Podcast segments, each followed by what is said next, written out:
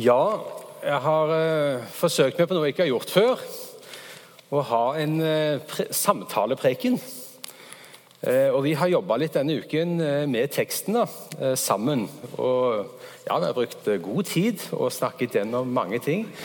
Så vi skal dele litt med noen, noen av de tingene som vi har snakket om gjennom uka. Og jeg må jo si imponert over hva dere både ser i Guds ord og forstår og, og klarer å ta til dere fra det som vi leser. Vi skal eh, høre Jeg skal lese historien om den takknemlige samaritan, og så eh, skal dere så skal vi snakke litt sammen etterpå. Vi begynner med det, og vi reiser oss når vi skal høre dagens tekst. Eh, På reisen til Jerusalem så dro Jesus gjennom grenselandet mellom Samaria og Galilea. Og Da han var på vei inn i en landsby, så kom ti spedalske menn imot ham. De ble stående langt unna og ropte, 'Jesus, mester, ha barmhjertighet med oss.' Han så dem og sa, 'Gå og vis dere for prestene.' Og mens de var på vei dit, så ble de rene. Men en av dem kom tilbake da han merket at han var blitt frisk. Han lovpriste Gud med høy røst, kastet seg ned for Jesu føtter med ansiktet mot jorden og takket ham. Denne mannen var en samaritan. Jesus sa, 'Ble ikke alle ti rene? Hvor er da de ni?' Var det ingen andre enn denne fremmede som vendte tilbake for å gi Gud æren? Og han sa til ham, 'Reis deg og gå. Din tro har frelst deg.' Gode far, kom med din ånd og led denne samtalen. La det være dine ord som, og din gode vilje som vi kan få se mer av i denne prekenen nå som vi har sammen. Kom til hver enkelt. Gi oss ører å høre med, øyne å se med og forstand å forstå med. I Jesu navn. Amen. Ja, vi eh, hørte historien om ti spedalske som eh, møter Jesus. Og Hvis vi skulle bare si litt, hva er det denne teksten handler om? Sosuna, hva tenker du når du hører den historien? Hva er det som, det, som slår deg først? da? Hva er det som dette handler om, hele denne teksten, syns du? Om Takknemlighet. Om takknemlighet. Det tror jeg alle kan være enige om at det er i hvert fall noe som er veldig viktig i denne historien. Leo, hva, hva tenker du når du hører denne historien? Jeg bare tenker at uh, kanskje en av dem eh, gikk til andre personer og fortalte om uh, hva som skjedde. Men at en annen person var fortsatt takknemlig. Ja, altså, det tror du er helt rett i, for det var nok en grunn til at de sto og ropte. De hadde nok hørt, og at de etterpå selv gikk videre. Det er liksom det du tenker, og det tror du er helt rett i. Um, Eliana, hva er det du tenker på når du hører denne historien? Vi fleste av oss blir liksom velsignet med det vi vil ha, men det er ikke så veldig mange som husker å takke Jesus eller Gud etter at de har fått det de har ønsket. da. Nei, ikke sant? Vi er så rikt velsignet. Vi bar jo inn noe, som, en, som jeg sa, en liten dråpe av all den velsignelse vi har. Men hvor ofte husker vi å takke Gud? Vi har litt lett for å ta ting som en selvfølge. Så hører vi altså om disse ti spedalske. Men hva, var det, hva vil det si å være spedalsk? Hva var det for noe? Hva slags sykdom var det, Eliana? En sykdom eller en infeksjon da, i huden som gjør sånn at eh, huden din blir liksom klumpete og tørr, og det var ingen kur for det bak liksom, eh, før på den tiden. da, Så man måtte liksom bare leve med det og dø. Det tror jeg du har helt rett i. I dag hadde vi sikkert hatt medisiner mot dette, men det meste tyder på at den gangen hvis man fikk det, så var det ensbetydende med at man også høyst sannsynlig ville dø av det. Og så var det ikke bare at det var en forferdelig sykdom, og at den var både smertefull, men den fikk noen følger. Eller Jenny, hva var det som eh, skjedde med disse som fikk denne sykdommen? Jo, det som skjedde, eller de konsekvensene det fikk, eh, det var at de måtte bo for seg selv. Og de kunne ikke møte noen andre mennesker enn de som var spedalske. Em, og det var jo alltid noen som kom og ga dem mat. Men eh, de måtte da kaste maten for å ikke da komme på nær avstand og bli smitta. Så De var skilt ut fra samfunnet. De måtte leve for seg selv. Atskilt fra familien og alt. Så det var en, egentlig en forferdelig sykdom. Det var ikke som en annen sykdom hvor du kanskje kunne være nær dine kjæreste og få hjelp. Du måtte klare deg sjøl sammen med alle de andre som var syke. Så hørte vi at disse ti eh, Leo, de sto på avstand og ropte. Og Hva var grunnen til det? De hadde ikke lov å komme i nærheten av andre. Men i Lukas 5 kan vi lese om en annen mann som var bestandt og kom helt fram til Jesus. Ikke sant? Altså disse turte ikke, altså De sto på avstand og ropte, men så har man faktisk et eksempel på at eh, en annen spedalsk han kom og hiver seg ned for Jesu føtter, og han tenker at det tåler Jesus. Han tåler den sykdommen. Så jeg kom og løper inn til han. Men disse sto på avstand. Og så ropte de noe eh, litt underlig. De ropte 'ha barmhjertighet med oss'. Ropte, de ropte ikke 'Herre, gjør oss frisk for denne sykdommen', men 'ha barmhjertighet med oss'. Og hva tenker du ligger i de ordene, Susuna? At, de, at han skal se dems nød og hjelpe dem. At han skal se deres nød, og at han skal hjelpe dem. Det tror du er helt rett i. Eh, hva tenker du, Jenny? At eh, de var ydmyke, og at de faktisk turte å komme til Jesus og be om å bli frisk. Ja, så det er en form for både ydmykhet, og de, de kommer til ham, er frimodige, og samtidig så ber de om nåde og liksom barmhjertighet. Fint. Eh, Eliana, hva tenker du? Eh, det de sa, det var liksom se vår smerte, se hva du kan liksom gjøre med det. på en måte. Se vår smerte, se åssen vi lider. Ta det av oss. Dette ordet 'ha barmhjertighet med oss' det har vi sunget nå i denne gudstjenesten. Faktisk. Er det noen som vet hva det når vi sang det? Vi sang det etter vi hadde bedt synsbekjennelsen, så sang vi 'Kyrie eleison'. Og Det er et ord og uttrykk som stammer fra Bibelen, hvor en historie om en blind som het Bartimeus. Han ropte på Jesus og sa egentlig akkurat det samme som disse. 'Ha barmhjertighet med meg.' Og så har det blitt et bønnerop for oss til Herren, som vi har tatt med oss videre. Flott. Ok, ehm, Så gir Jesus de et litt merkelig svar. For han sier ikke ja, bare kom hit, da, så skal jeg få, lov, skal jeg få gjort dere friske. Men hva er det han eh, gjør, Jenny? I Moseloven sto det hva man skulle gjøre hvis man fikk en hudsykdom. Ja. Det sto, eller det var forklart hva man skulle gjøre. Man skulle gå til prestene, og så skulle han bære fram et offer til Gud. Det er helt riktig.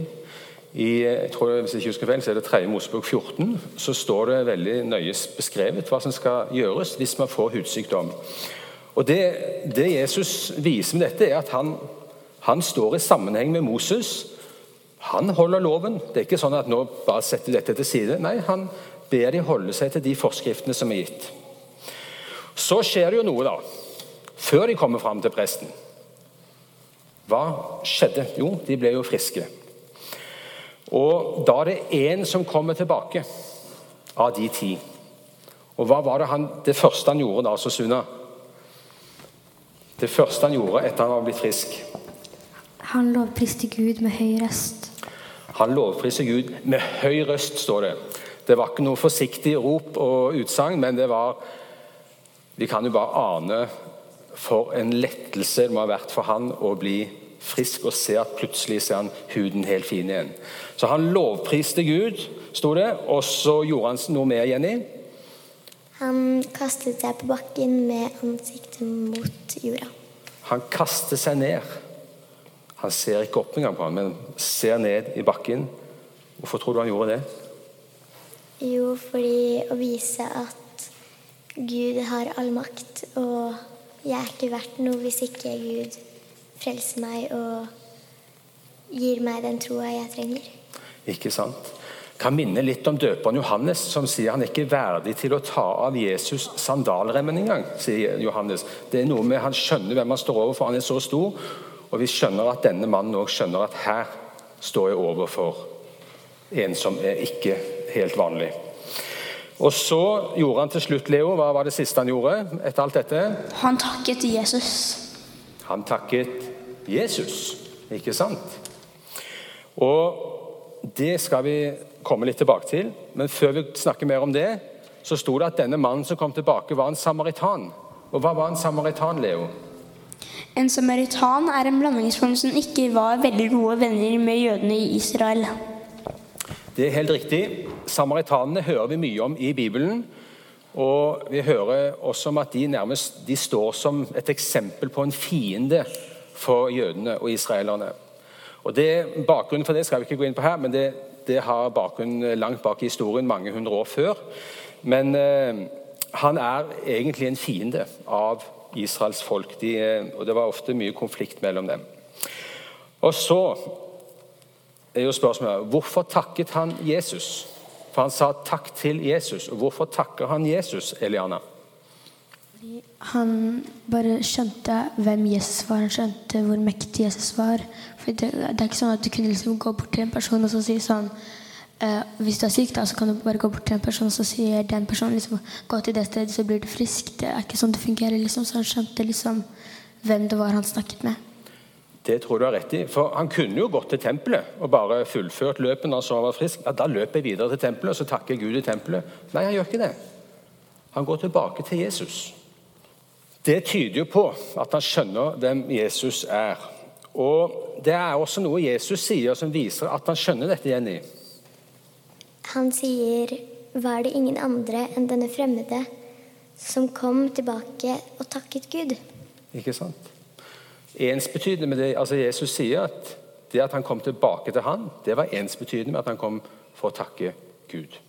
Så Det sier noe om at han skjønner hvem han står overfor. Og Det ser vi jo eksempler på i Bibelen flere ganger. Hvordan, hvordan eh, mennesker som plutselig Peter òg, skjønner hvem han står overfor, så skjer det noe spesielt i hjertene. Flott. Eh, og Så leste vi at alle ti ble friske, men at det kun er én som kommer tilbake. Og så, Hvor ble det av alle de ni andre? Det er noen som prøver seg. Hva var det som skjedde? Susuna? Um, jeg tror de var mer opptatt av seg selv.